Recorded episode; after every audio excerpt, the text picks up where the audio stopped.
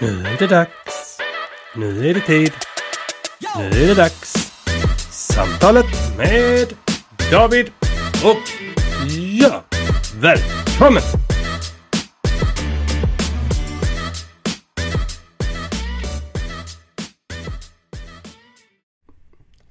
Hallå David. Hallå Björn! Hur är det med dig?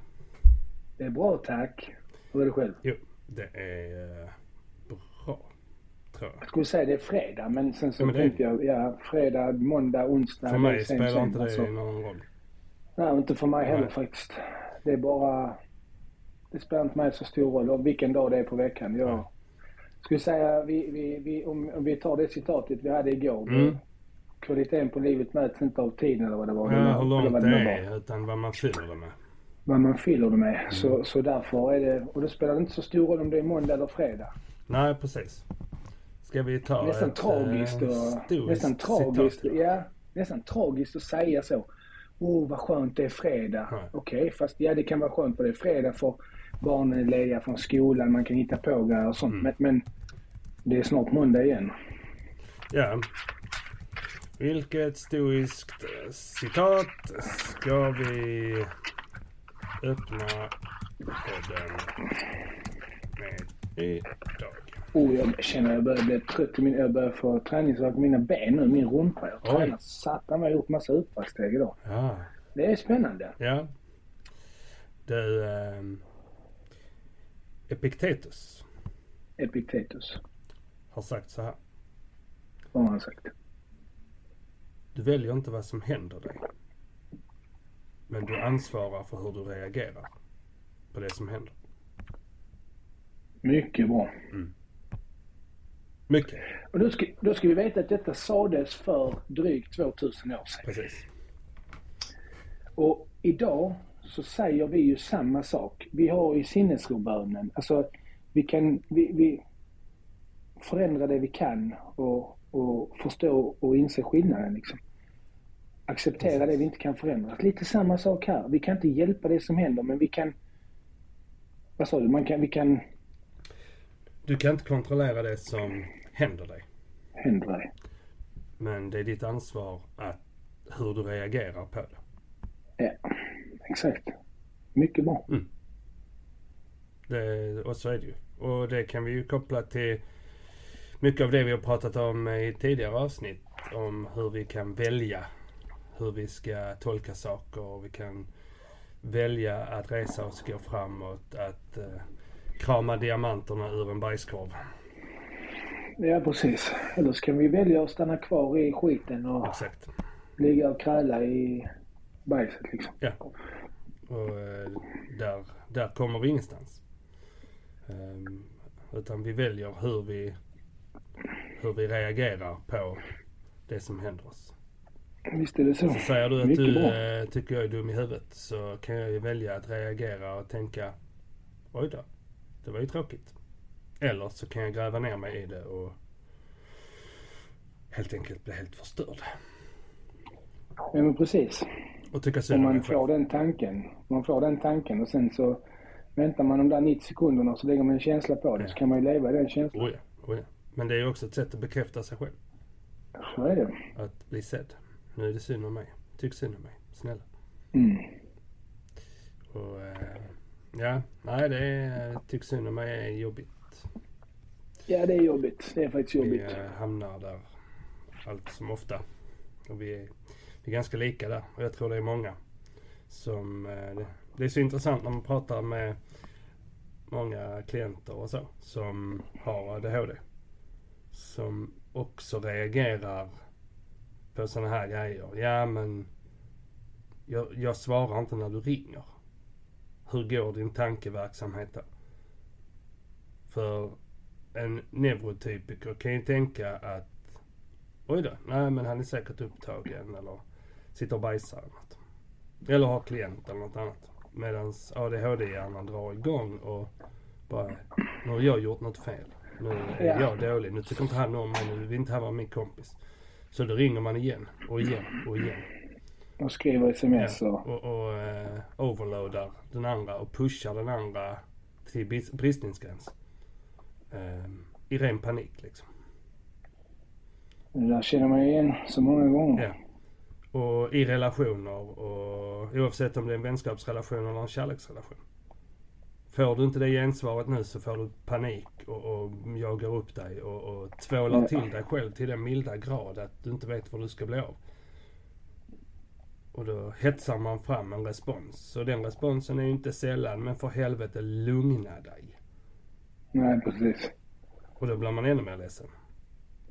Bara lugna dig, får jag lov att- Jag var stod i duschen, får jag lov att Ja, duscha precis. och tvätta röven. Precis. Att, eh, ringer 70 tusen Precis. gånger och 50 sms. Mm. Ja men alltså, Ja, och, okej, och vi har gjort det. Vi har gjort eh, Både du och jag har ju reagerat likadant. Och, så och det spelar ju ingen roll. Alltså, det spelar ju ingen roll om man vet. Om jag vet att du är på jobbet liksom. Då måste jag ju aktivt påminna mig att just det, han är på jobbet. Eh, Ja. och jag har ju, jag jobbar ju hemifrån och har ganska mycket tid emellan mina klienter. Och kan vila och fundera och så. Kan göra lite vad jag vill. Och ja, men så skriver jag till någon som är på jobbet eller ringer och de inte svarar. Jag tänker inte direkt att, ja men de jobbar. Varför svarar han inte? För att jag reflekterar inte över vad klockan är. Jag reflekterar inte över att det är onsdag mitt i veckan och jag vet att David har APT liksom. Nej. Så, ehm, utan då får jag aktivt eh, fundera. När, när den tanken kommer att, oh, vad har jag nu gjort? Så bara, nej men fan, jag har ju inte gjort någonting. Ja, han kan faktiskt vara upptagen med annat. Jag, jag är inte centrum av hans värld.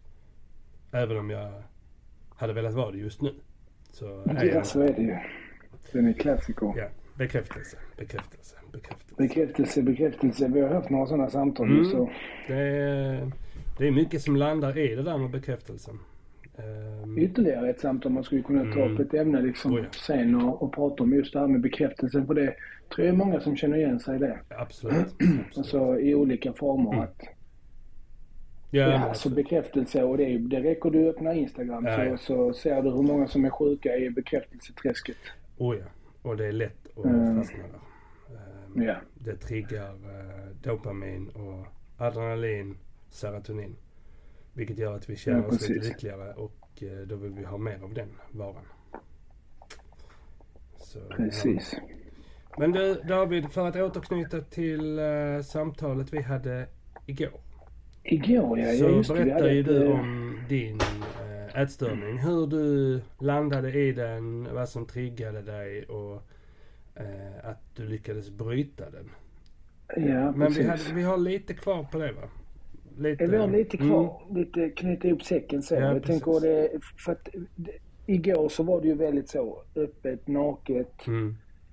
Eh, jobbigt, ett jobbigt samtalsämne att prata om för det, det, det river ju upp känslor och så. Man, man kommer ihåg hur man mådde i vissa situationer och så. Men sen samtalet igår, det, det blev mycket mörker så över det känner jag. Mm. Mycket destruk- så, destruktiva tankar, destruktiva känslor, beteende eh, i form av hur man hanterar ätstörningen så. Men, och sen så så tänker jag att det, det var ju inte alltid. Det är inte så att bara för att jag hade ätstörning så var det inte så att mitt liv kretsade kring min ätstörning och att jag var hela tiden var sjuk och, och mådde dåligt utan jag, jag levde ju ett, ett bra liv ändå så att Mm. säga. Det var ju mer när, när, när, när jag hamnade i svackor i mitt liv. När, ja, men, till exempel när jag inte hade en match, eh, till exempel i thaiboxning. När jag inte hade någon planerad match, det kunde vara tre månader. Då behövde inte jag banta, så då var det inget, alltså då levde jag ju som vanligt. Mm. Jag tränade mycket, jag käkade liksom vad jag ville så. Alltså, Mm. och, och jag levde mitt liv, jag sökte bekräftelse, jag, jag fyllde på mitt dopamin i, i relationer, bekräftelser och så vidare. Jag var ute, festade och polade och allt det här. Eh, Men sen så kom den perioden där jag, där jag skulle gå match och då var jag tvungen att banta och då, det var ju då, det var ju då den, alltså då yttrade sig min ätstörning mer.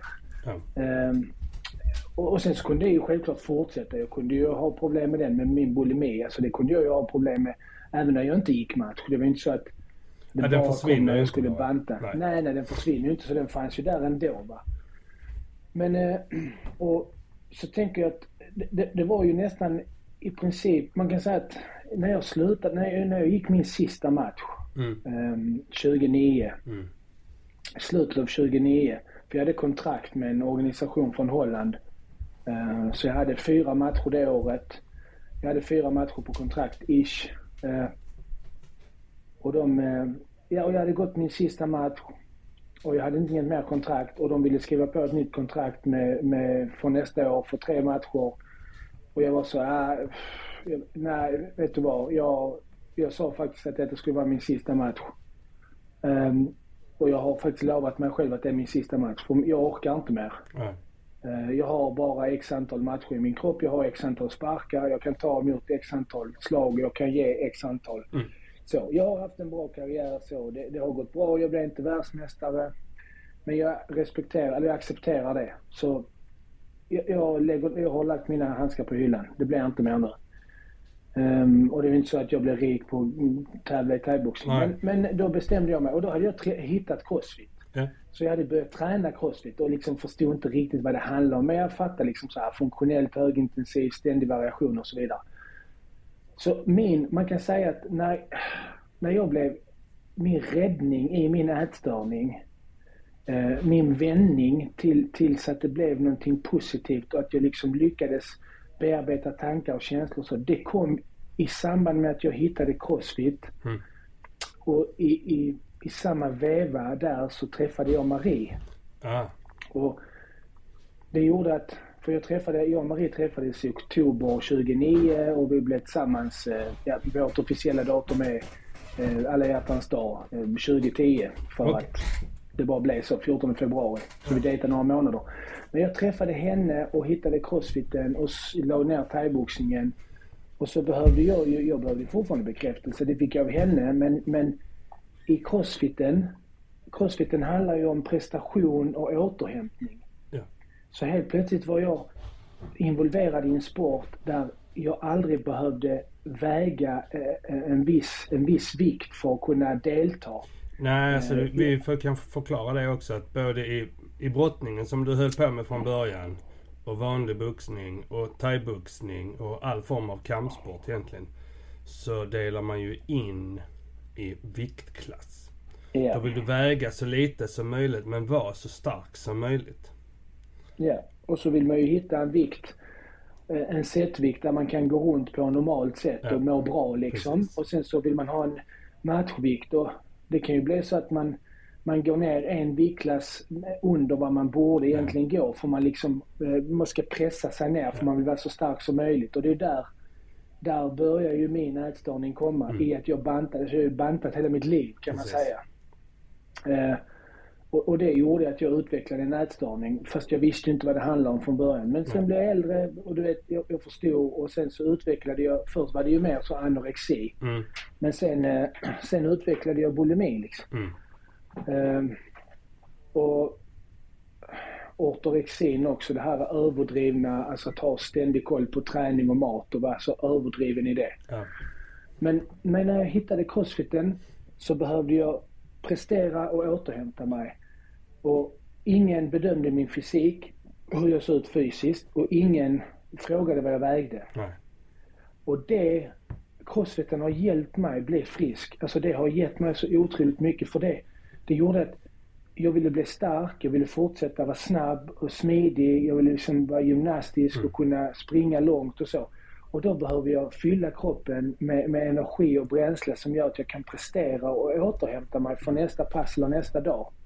Ehm, och i den vevan, när jag förstod detta, så, så blev ju jag mycket mer medveten om det och jag fick ju en, det var ju en Du lättnadskänsla. blir snällare mot dig själv. Jag blev snällare mot mig själv. Samtidigt så träffade jag Marie Mm. som, som gav mig all den bekräftelsen som jag liksom hade sökt i så många år. Mm. Jag hade kommit från ett destruktivt förhållande med en person som också var sjuk och hade problem med alkohol. Ehm, och jag har liksom inte druckit alkohol på 15, ja, snart 20 år. Mm. Ehm, så när jag träffade Marie så fyllde hon, alltså hon fyllde sånt eh, enormt syfte i mitt liv. Hon liksom, hon blev en sån grundpelare för mig. Mm. Alltså hon såg mig, hon dömde inte mig för vem jag var, hon dömde inte mig för vad jag hade gjort, hur jag hade betett mig. hon dömde inte mig överhuvudtaget. Hon blev min trofasta hand. Mm. För att hur många gånger jag än föll, hur mycket jag än betedde mig på ett dåligt sätt. Alltså så, jag var ju jättejobbig mot henne i början. Mm. Men så stod hon fast där och hon liksom bekräftade mig och hon accepterade hur jag var. Ja. Så jag brukar säga att jag blev frisk och det var, det var med hjälp av Marie och crossfiten. Mm. För med Marie kunde jag vara mig själv. Jag, jag behövde inte försöka vara någon Nej. annan jag, jag trodde att jag skulle vara. Precis. Jag behövde inte lägga på någon fasad. Och egentligen var det inte mer än att jag... Det bara slog mig sen att det har gått ett halvår och jag har liksom inte kräkts. Nej. Jag, har, jag äter fortfarande hälsosamt för Marie tränar mycket och höll på och så. Och hon tyckte också det var roligt med crossfit. Sen hade det gått ett år och jag bara... Jag har inte kräkt. Jag har inte, jag har inte överätit. Och någonstans... Såklart att under det här året så hade jag också varit, blivit mätt.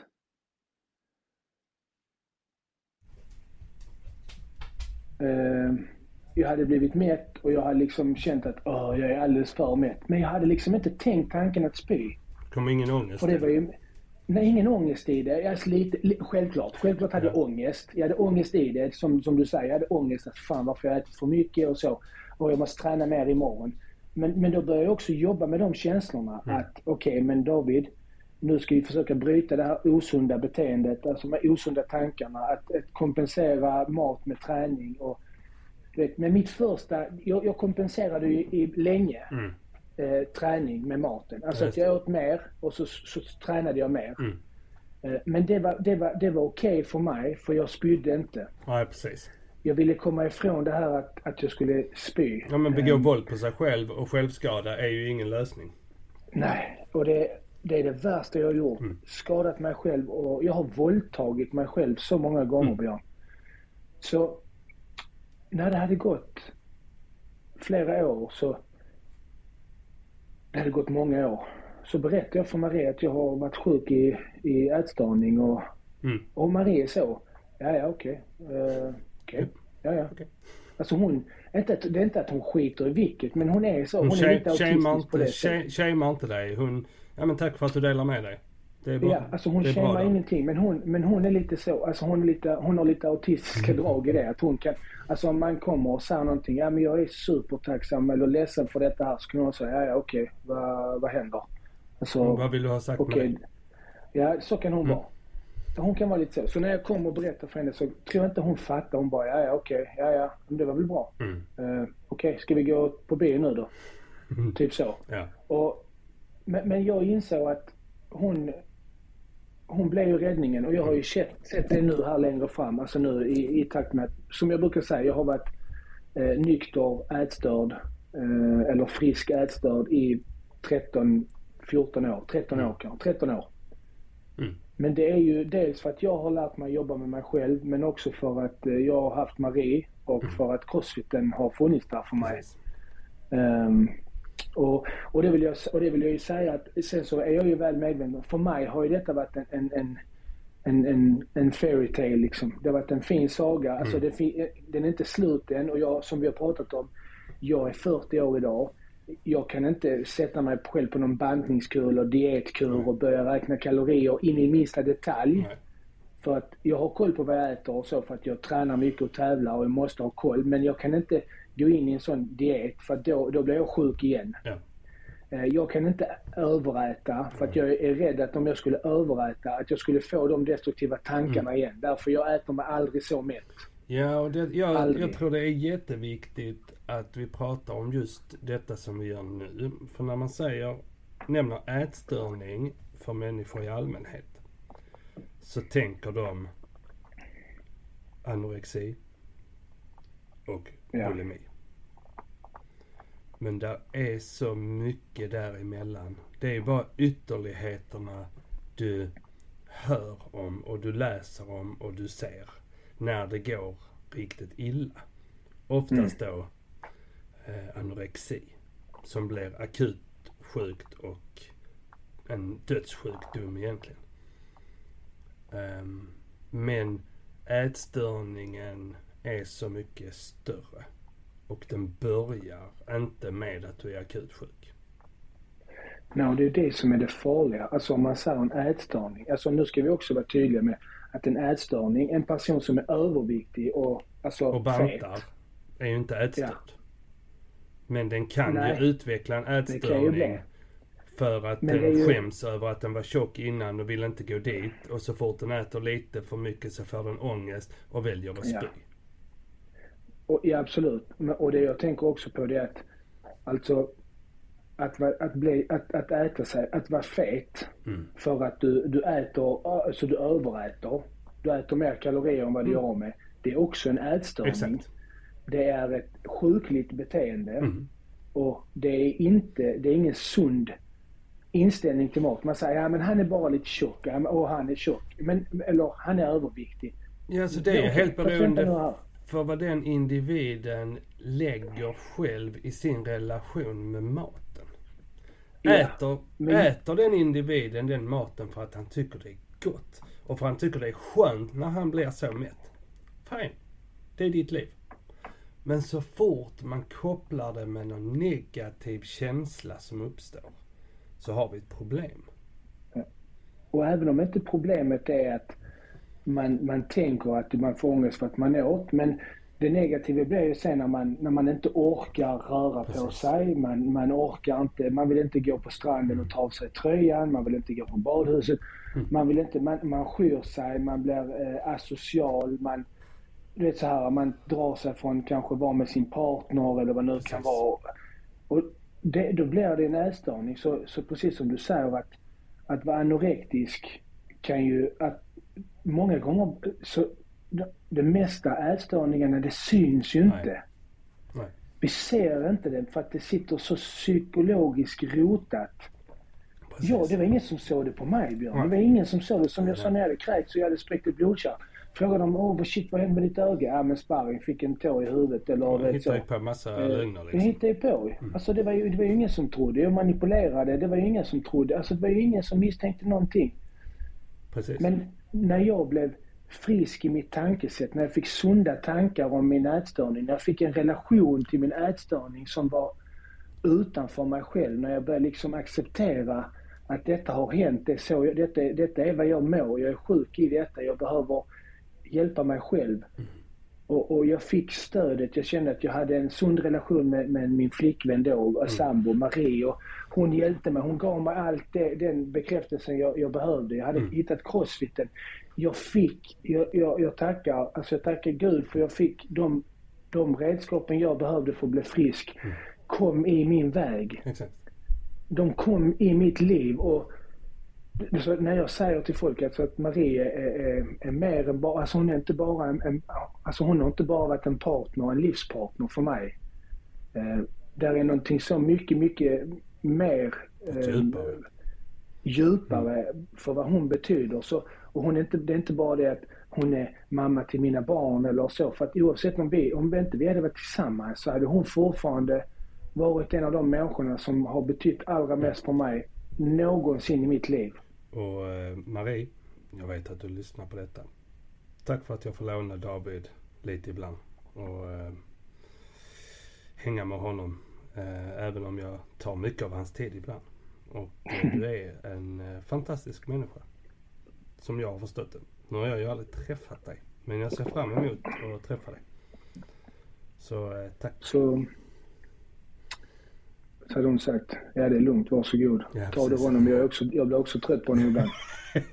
ja, jag blir Men- trött på mig själv. Vem fan vill ta mig Ja, då? Jag, bara, jag blir inte av med mig. Men, men, ja. Men så är det. Så, och, så, så att i och med det var ett, ett naket samtal Mm. igår, det var jobbigt, det, var, du vet, så att Ja. det blev destruktiva tankar och känslor. Så kände, man, kände vi ändå, och jag kände att vi behöver ändå, man behöver ändå knyta ihop det och säga att du vet all, alla, alltså den, denna sagan hade ett bra slut. Ehm, eh, och jag kämpar ju på med i mitt liv liksom. Det gör ju också att, och jag kämpar ju varje dag. Alltså jag menar, jag, jag är ju tacksam över att jag är frisk varje dag. Varje dag jag får vara frisk är, är jag tacksam och glad och känner mig välsignad. Men det innebär ju också att jag har lagt mycket fokus, precis som vi sa där, vi har föreläst, vi har pratat Precis. eh, om ätstörningar, ätstörningar när man är elitsatsande man, för det är inte så många män som pratar om det. Och vi brinner för detta, den psykiska Precis. ohälsan som ligger bakom. Det, jag skulle någon skriva till mig eller kontakta mig och vilja prata så, så är jag, precis som du Mm. är, är vi idel öra. Ja. Eh, man ska aldrig behöva vara ensam i detta. Jag var ensam Mm. under så många år. Men när jag träffade Marie och hittade crossfiten så hittade jag en community och nya vänner och jag hittade en, en kärlekspartner där och då. Mm. Och det, det blev min vändning för jag blev inte ensam i det här. Nej. Så man ska ju veta det att man behöver aldrig någonsin vara ensam. Utan då säger jag ring mig eller kontakta mig eller skriv till Björn. Ja, alltså, och ni ska veta att jag har gått eh, utbildning i handledarskap för anhöriga till människor med ätstörning. Ehm, varför jag gjorde det eh, var för att jag var tillsammans med en tjej vars dotter eh, lever med ätstörning. Eh, och som har varit ganska illa däran. Eh, eller väldigt, väldigt illa däran. Eh, så då valde jag att gå den. Och är det så att ni behöver stöd eller ni behöver råd var ni kan vända er eller så, så tveka inte att höra av er. Det är, till Nej, mig precis. eller David. Vi, så gör vi vad vi kan liksom. Absolut, hör av er till oss Mm. så ska vi försöka guida er på absolut bästa sätt. Med, med all makt vi kan och all, alla resurser Mm. vi har så ska vi försöka guida er rätt. Precis. Det lovar vi. Vi har, vi har lite kontakter som vi kan dra i fortfarande. Ja.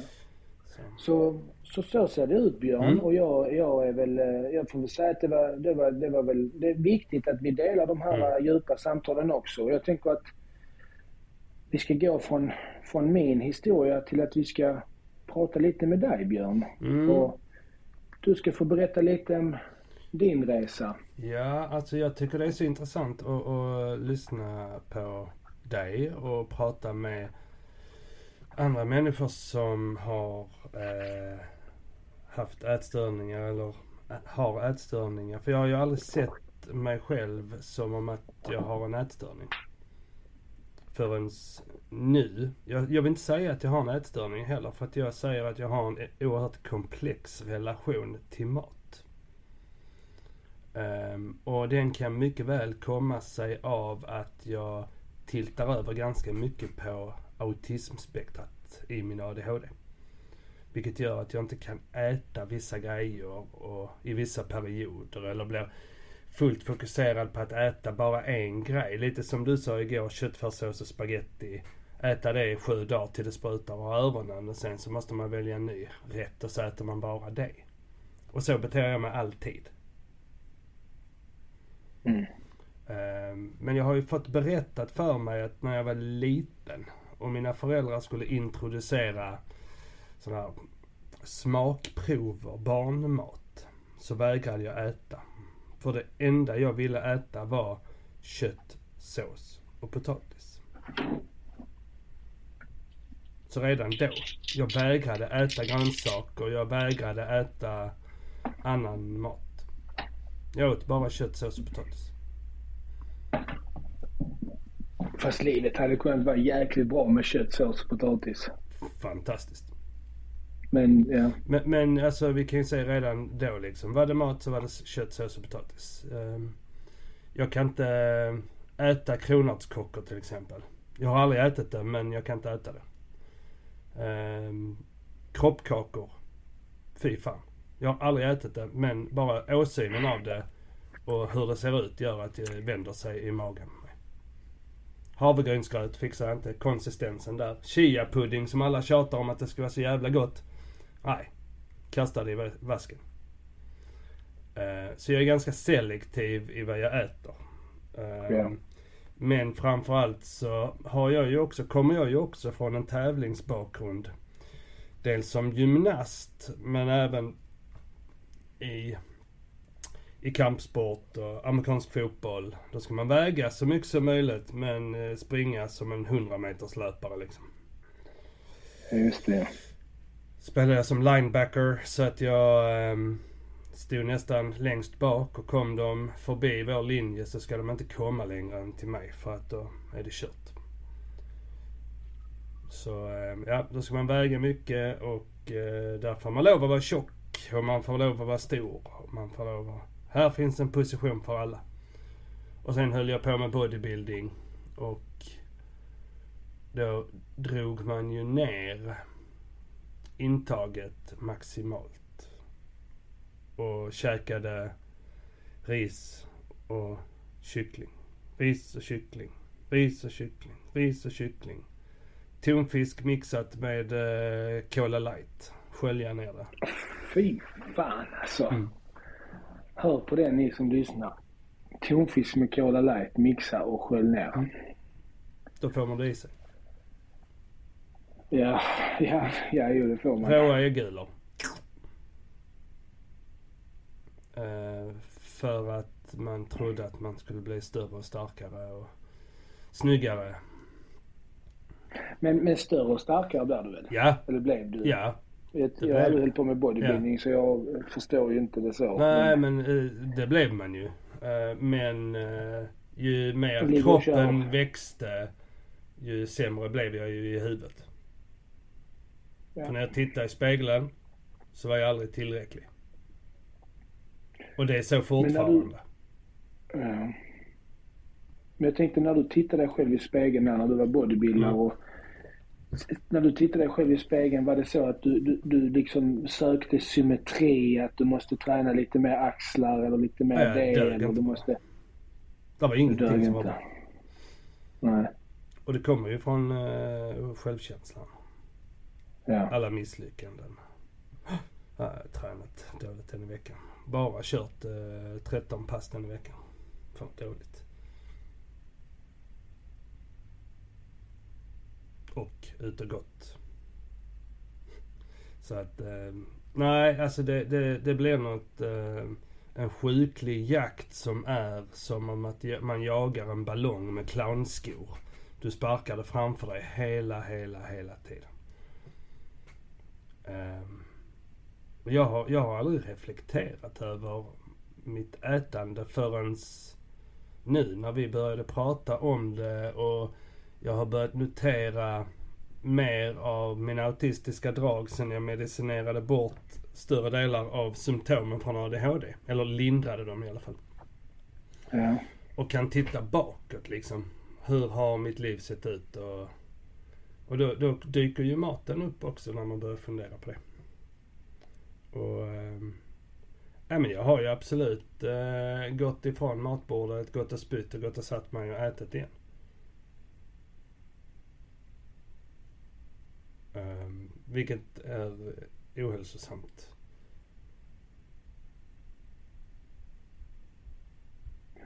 Men har det skett för att har det skett för att du, du har ätit för mycket? Eller, eller, Ja, eller har det varit ja sån, alltså det har nog varit eh, både att jag har ätit för mycket, ätit för snabbt, haft ångest när jag har suttit och ätit tillsammans med andra människor.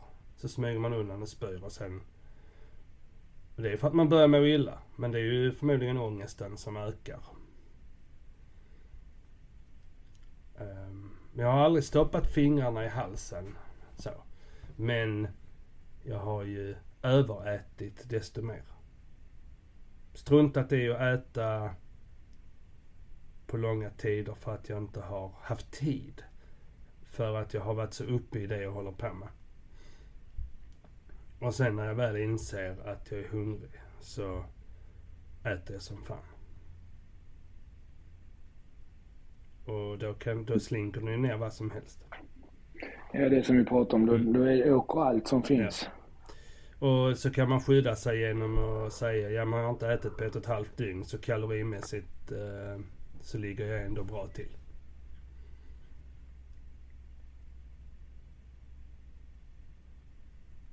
Och sen så sitter man där efteråt och har, numera har jag inte jättemycket ångest över det men eh, visst tanken snuddar ju en.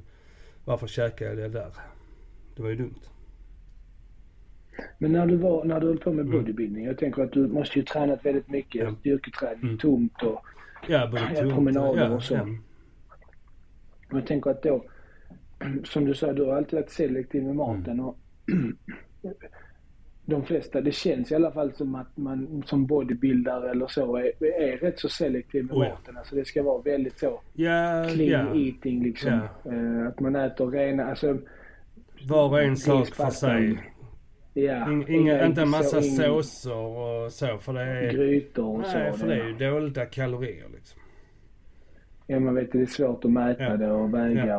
och... Och det är ju, där i ligger ju också någon sjuklig föreställning om att man måste veta precis allting. För annars blir det inte Mm. bra. Men var det någonting som du fann, fann du, alltså jag tänker så att du kanske fann en trygghet i det? Var det så att, att ja men bodybuildingen, där är man selektiv i ätandet och det passar mig bra? Nej. För att, nej. Jag gjorde det för att eh, det var så man skulle göra.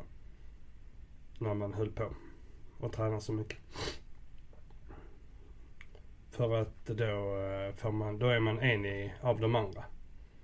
Funkar ju dåligt om de sitter och äter, eh, äter ris och kokt torsk och jag står och fläskar i mig en daimtårta liksom. Men jag tänker att det selektiva ätandet Som jag har, ja. som var- men alltså visst, jag har, hade, men då hade jag problem med att äta samma mat dag ut och dag in. Okej. Okej. Då kunde inte jag, då hade jag jättesvårt för att äta rester dagen efter. Hade vi ätit en, en rätt på kvällen så kunde inte jag äta den dagen efter. För jag hade ätit det redan då. Så då var jag tvungen att vänta några dagar. Så jag var tvungen att laga mat varje dag. Medan jag idag kan äta samma mat hur länge som helst. Tills jag tröttnar på det. Så att där har någonting ändrats över åren också. Detta är ju... Detta är ju över 20 år sedan. Ja. Um, det är ju snart 30 år sedan eller sig, så att det är ju länge sedan. Ehm, och livet har uh, misshandlat en och man har misshandlat sig själv. Så det är väl klart att man tar- tar skada över tid. Men, men just den här komplexiteten att förstå svårigheterna med mat. För att vi kopplar känslor till mat. Idag försöker jag se mat som energi. Utan att värdera vilken typ av mat det är. Det är inte en mat som är bättre än den andra. Det är energi som jag behöver för att jag ska kunna fungera, för att jag ska kunna röra mig, för att jag ska kunna träna, för att jag ska kunna jobba, för att jag ska kunna sova ordentligt. Det ena säger Mm. inte att en broccoli har bättre energi än en morot eller en kokt i bröd. Om du trivs med att äta en kokt i bröd och känner dig nöjd med det så är det fine. Ja. Om du blir tillfredsställd på det, du mår bra av det, du är inte överdrivet trött, du orkar jobba på det. Go ahead.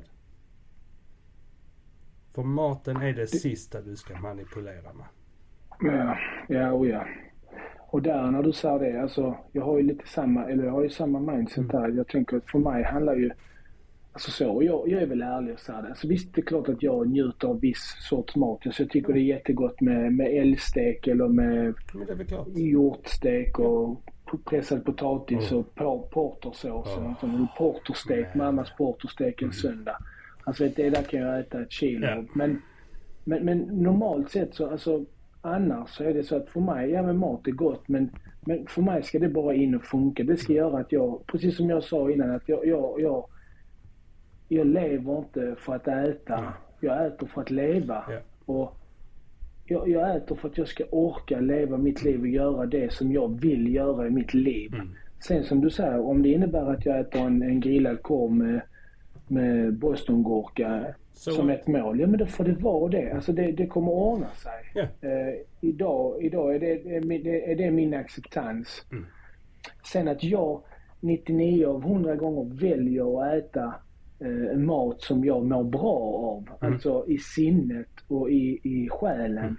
Eh, det, det väljer jag. Mm. Men jag är inte, idag är jag så, om jag kommer hem till dig, som vi sa, om jag kommer hem till dig du har gjort lasagne. Jag älskar lasagne, det är min favoriträtt. Mm. Alltså, ska man charma mig så ska man laga lasagne. ja. Good. Eh, så, så, vet jag, så tycker jag om lasagne. Har du gjort lasagne så kommer jag äta lasagne mm. för att det är du som har gjort den och för att jag lägger ingen värdering i om du har 17% i ost på eller om den är 35% i. Ja, precis. Alltså jag smakar lasagnen och känner okej, okay, han har en bra sälta, köttfärsen är jättegod. Mm. Och han har lite bacon i eller vad det mm. kan vara. Alltså den smakar bra, den är lite tjock, den är fast. Okej, okay, den är jätte... Alltså, så värderar jag det som du säger. Jag värderar inte huruvida du har broccoli till eller så. Men, men förr Man kan inte ha broccoli så... till, till lasagne. Hallå. Nej det kan man ju inte men du fattar. Ja. Men, eh, men, men förr så kunde jag ju komma hem till någon och så Ja, ska vi äta mat? Ja, jag har gjort kycklinggryta. Ja, vad är den gjord på? Ja, men det är sån matlagningsgrädde. Ja, det går inte, jag är laktosintolerant. Ja, just det. Va? Ja, jag är laktosintolerant. Ja, du ljög med det ja. Mm. Ja, jag ljög. Jag kunde inte äta det. Mm.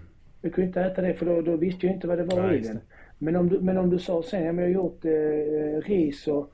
Men du, jag har en kycklingfilé i kylen, ska jag steka den till dig? Nej men det behöver du inte. Jag får väl...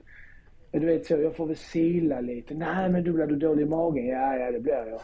Ja men, men jag fixar den till dig, Emotionell manipulation. Mycket. Mm. Det var ju lätt för mig att säga. Det var det som jag skulle Både ADHD och ätstörningen eh, är ju manipulatörer så att... Eh, ja. De frågade mig, mina föräldrar, de lagade mat och så vi ska äta på söndag. Kommer ni hem nu alla, alla barnen och äter? Så jag, vad ska vi äta? Men vi ska äta kycklinggryta. Så jag, men vad är ni gjort då? Ja, men jag har gjort den bara på tomat. Okej, okay, jag kommer. Mm. Annars kom jag så hade jag redan ätit. Ja. Nej, men jag har redan ätit det lugnt. Jag var så hungrig innan jag var och. Mm. Så hade men vi satt där på familjemiddagen. Nej, käkade lite bröd och mm. lite ris och sånt bara. Sen åt jag när jag kom hem. Mm. Ja, det, det, det är jättesvårt. Alltså idag så... Men jag, jag gillar det du sa liksom. Att man ska inte lägga värdering i, för mycket värdering i vad det är för... För mat. För mm. mat. Utan... Nej men och där kan vi ju titta på sociala medier och, scrolla på Instagram eller scrolla på TikTok, eh, Facebook och så dyker det upp. Oh, här har du världens bästa snabba eh, lågkalori rätt. Oh, den är så god. Ja, du ska träna så här mycket. Så här tränar du röven. Så här gör du det för att må bra. Så här gör du det för att bli snygg. Så här ska du äta för att bli snygg. Så här bränner du fett på magen. Och jag bara tänker, håll käften. Mm. Håll käften. Hade du varit här hade jag släppt in tänderna på dig. Punkt. För, alltså idag, vi ska ju veta att hade jag haft råd så hade jag ätit jättemycket. Men jag har inte råd. Och, och det är den bistra sanningen. Jag har varken råd att äta healthy food. Massa eh, chiafrö och annat eh, trams. Jag har inte råd att äta broccoli och, och eh, spenat för att det är för dyrt. Jag får köpa eh, billig mat. Men jag blir mätt. Och jag äter en gång om dagen. Och det räcker. Och ja, det går ingen brist på mig. Jag är inte utmärglad. Jag är inte skinny skinny. Nej. Då börjar jag fundera så här, okej. Okay. Men om jag då jämför med hur mycket jag har ätit innan. Wow. Mm. Vad blir allt det Men så, så tänker jag som, som du sa att, men du vet, man tittar på Instagram och, och, och, och ja, det är ett samtal i sig. Ja. Hur mycket ätstörning och hur mycket alla influencers påverkar mm. varandra och så. Men sen är det ju vissa, jag har ju tagit bort, alltså har jag folk som håller på med kost och träning mm. och de så, vet, så jag jag tar ju bort dem som, som, inte, som inte säger det på rätt sätt. Ja. Eh, som jag anser är rätt sätt. Och vad anser jag är rätt sätt? Jo, jag anser att om man är, är kost och närings eller träningsspecialist eller expert eller vad man nu vill kalla sig. Man är en coach eller vad nu är. Mm. Så jag gillar de här kontona, de här eh, Instagram-kontona där de säger så här. Eh, Hej, jag heter Björn jag är kost och träningsexpert. Jag ska hjälpa dig att nå en, en livstids, göra en livsstilsförändring. det, det handlar inte om att det kommer att ta 90 dagar eller två månader eller tre månader. Utan det jag är ute efter det är att du ska förändra ditt liv över tid och på sikt och långsiktigt.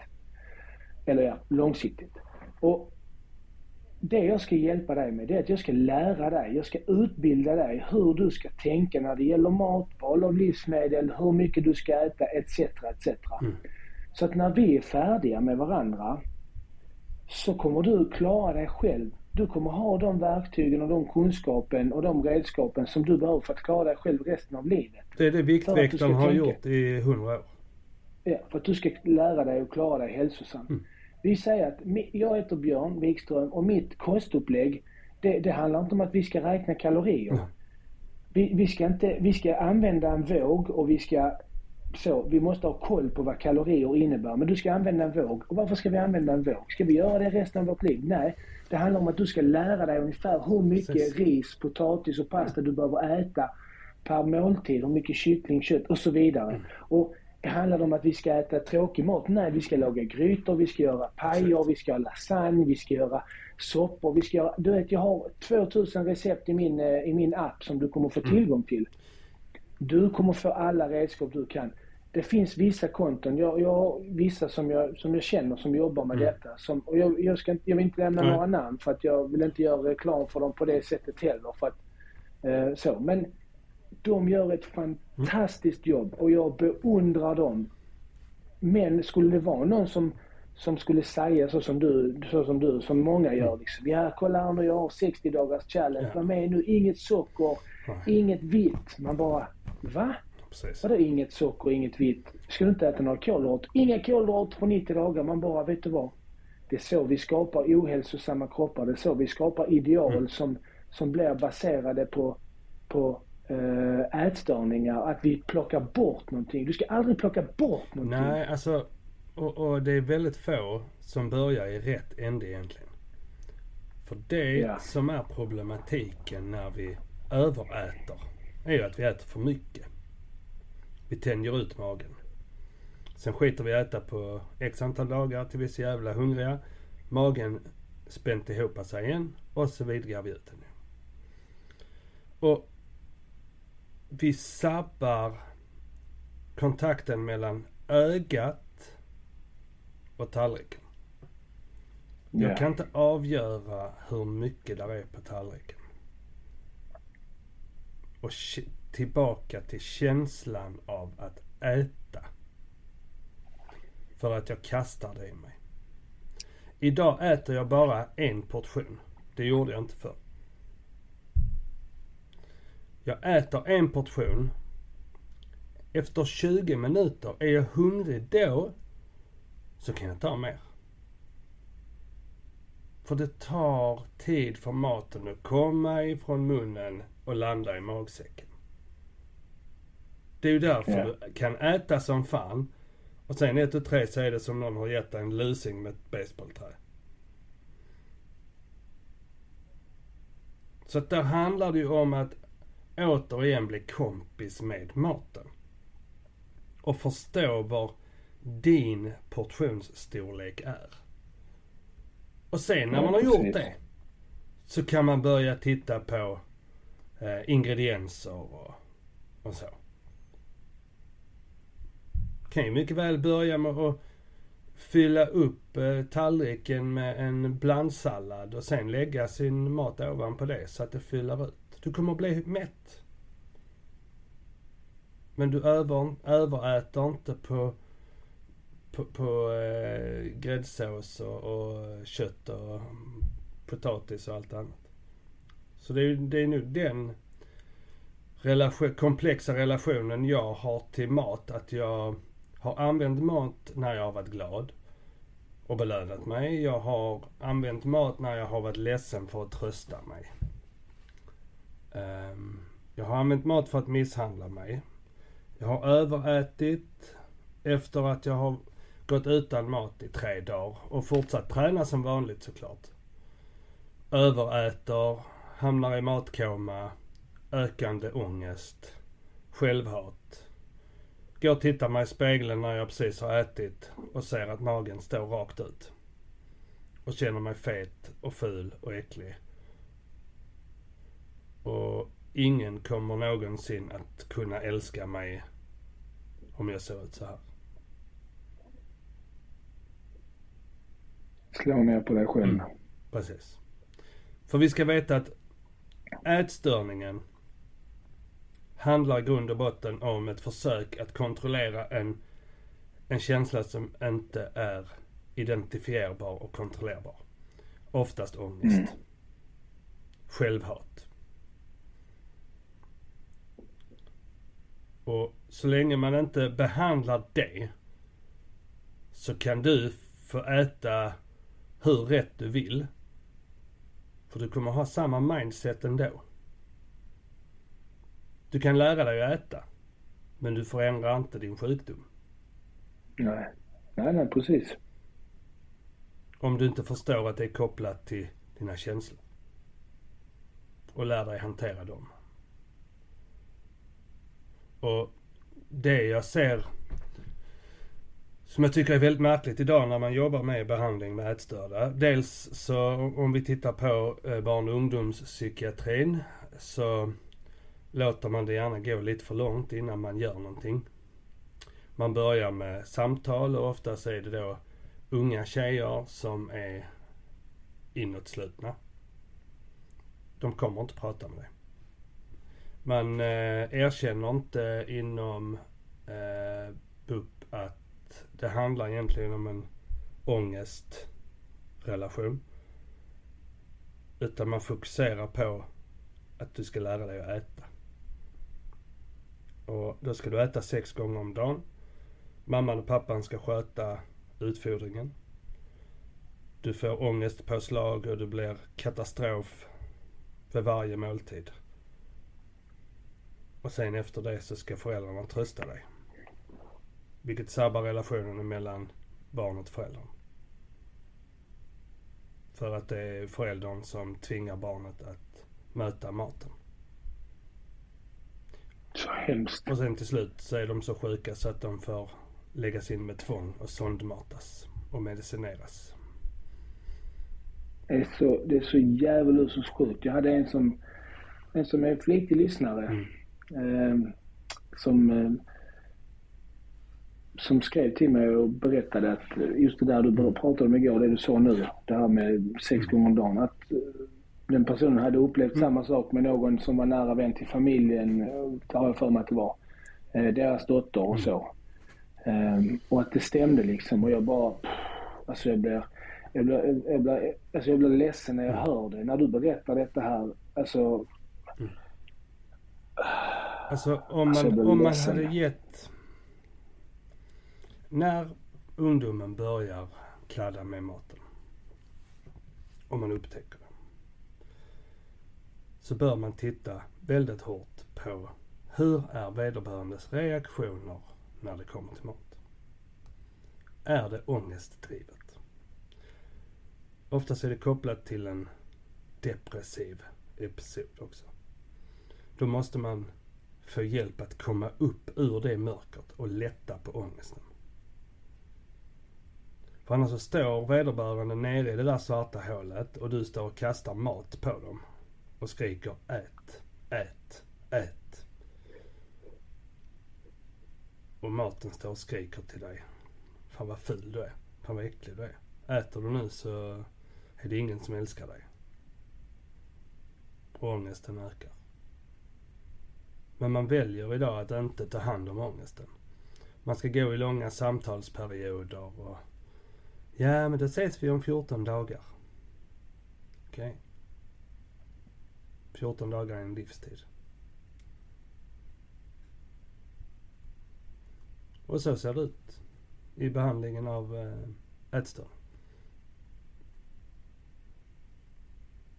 Och det gör mig förbannad. Vad hade din...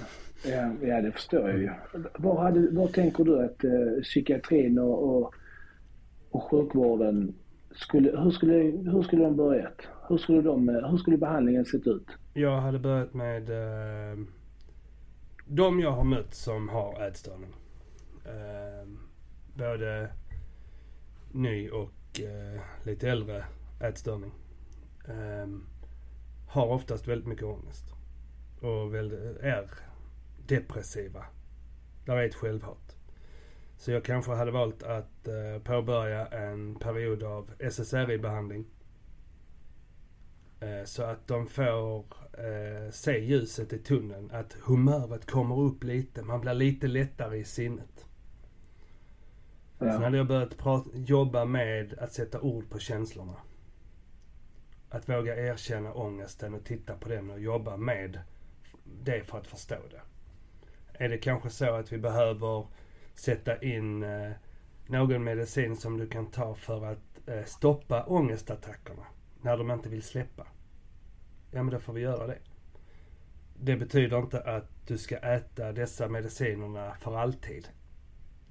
Men att jobba med en klient som är så långt nere utan medicinering är svårt, vanskligt och det tar lång tid. För att du börjar i en jättestor uppförsbacke utan mm. ljus. Det är bara mörkt. Så istället för att börja med tanken att nu måste du äta sex gånger om dagen, vilket utmanar ångesten ofantligt. Och det i sig kan vara bra. Men om jag inte får hjälp med att lindra ångesten eller förstå ångesten så blir det bara negativt. Då kommer jag hata de som försöker hjälpa mig. Och här är det föräldrarna oftast. Ja, precis som du sa, det är det som är problemet. Att en, en redan svår och utsatt situation för anhörig, det vill säga föräldrar, mm.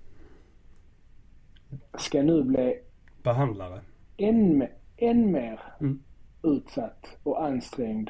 Du ska kombinera att vara behandlare och omvårdare. Ja, det är helt... Det, är... det går ju emot allting vi vet.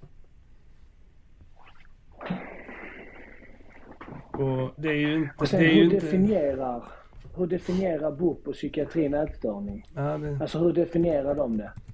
Det skulle jag vilja veta. Jag ska säga definition av ätstörning. Hur definierar de, de ätstörning? Vad, vad, vad, vad grundar de det på? Säger de, hur många släpper de hem och säger att ah, det är ingen fara, det är bara gå hem och ta det lugnt. Mm. Och, du vet så, det är lugnt. Det är nu du är i, i tonåren och du så. Det, det, det är hormonerna. Mm. Det, om vi tittar på eh, Region Skånes eh, psykiatri och psykisk ohälsa. Och så går vi in på ätstörning. Definition. Ätstörning är ett samlingsbegrepp som beskriver ett avvikande matintag med tydlig inverkan på fysisk hälsa och eller psykosocial funktion. Så man har helt utelämnat den psykiska funktionen. Den psykosociala funktionen här den antyder ju att jag kan inte gå ut och äta med mina kompisar. Jag kan inte äta i skolmatsalen. Svårt att. Ja, precis. För det, till slut så blir det så här att du, du, är, du äter och du utvecklar en rädsla för vad andra ska tycka om dig när du äter. Du kanske spiller. Oh, shit. Du är på gränsen liksom på att, att försvinna själv. Så att du, du möter inte det. Och i ICD-10 då så har vi ju anorexin nervosa. Eh, som är en förändrad kroppsuppfattning. Rädslan för fetma och övervikt blir en tankefixering. Och patienten strävar efter en låg kroppsvikt. Sen har vi bulimia nervosa karaktäriseras av en återkommande hetsätningsperiod i kombination med kompensatoriska beteenden. Det kan vara mm. kräkningar, intag av Laxiantia, eller överdriven motion som en fixering vid viktkontroll. Och där är ju övriga diagnoser och det står så här. Enligt ICD-10 ingår även diagnoser såsom atypisk anorexi nervosa atypisk bulimia nervosa samt ätstörning. Så att ätstörningen är eh, inte bara ett samlingsnamn. Utan ätstörningen blir också när vi inte kan sätta bulimia eller anorexia på. Och det är ICD-10 som är bedömningsmanualen för psykiatriska åkommor. Um, eller diagnosmanual. Så, så, så en, en, en ätstörning, jag menar en person som är fet. Mm. Alltså, och det är inget illa, inget, inget illa mot en person som är överviktig eller tjock. Men är du fet och tjock, alltså är du fet så du har en ätstörning ju. Du, du missbrukar och du har en ätstörning. Du har ju en störd relation till mat. Och bulimiker, det, det finns ju som sagt att en bulimiker är smal. Nej. Herregud, en bulimiker överäter. Äter du 5000 kalorier men du lyckas bara spå upp 2000 kalorier eller 3000 kalorier. Ja men då går du ju... Då, då kan du ju gå runt och vara småmullig. Mm. Eller vara mullig och vara bulimiker. Ja. Alltså, Och, jag, jag bara blir precis. så förvånad och när, när, man, när man läser på det här, alltså hur man ska karaktärisera Mm. ätstörning, hur man definierar det, så blir det så. Jaha, fast Ja, och sen så har de ju då listat samsjukligheten. extrema. Majoriteten av barn och ungdomar med ätstörning lider av psykisk samsjuklighet. Ångestsyndrom och depression är vanligast. Olika typer av neuropsykiatriska tillstånd förekommer ofta. Och jag vill ju hävda att ätstörningen bara är en effekt av den psykiska ohälsan. Ja. Det är inte på andra hållet. Men idag när man behandlar så är ju anorexin så akut när de kommer dit att den måste ses till först. Men man glömmer bort den här delen och då kan du jobba dig blå i huvudet. För får du inte rätt på ångesten och depressionen så... Ja. Du har lyssnat på Samtalet med David och Björn.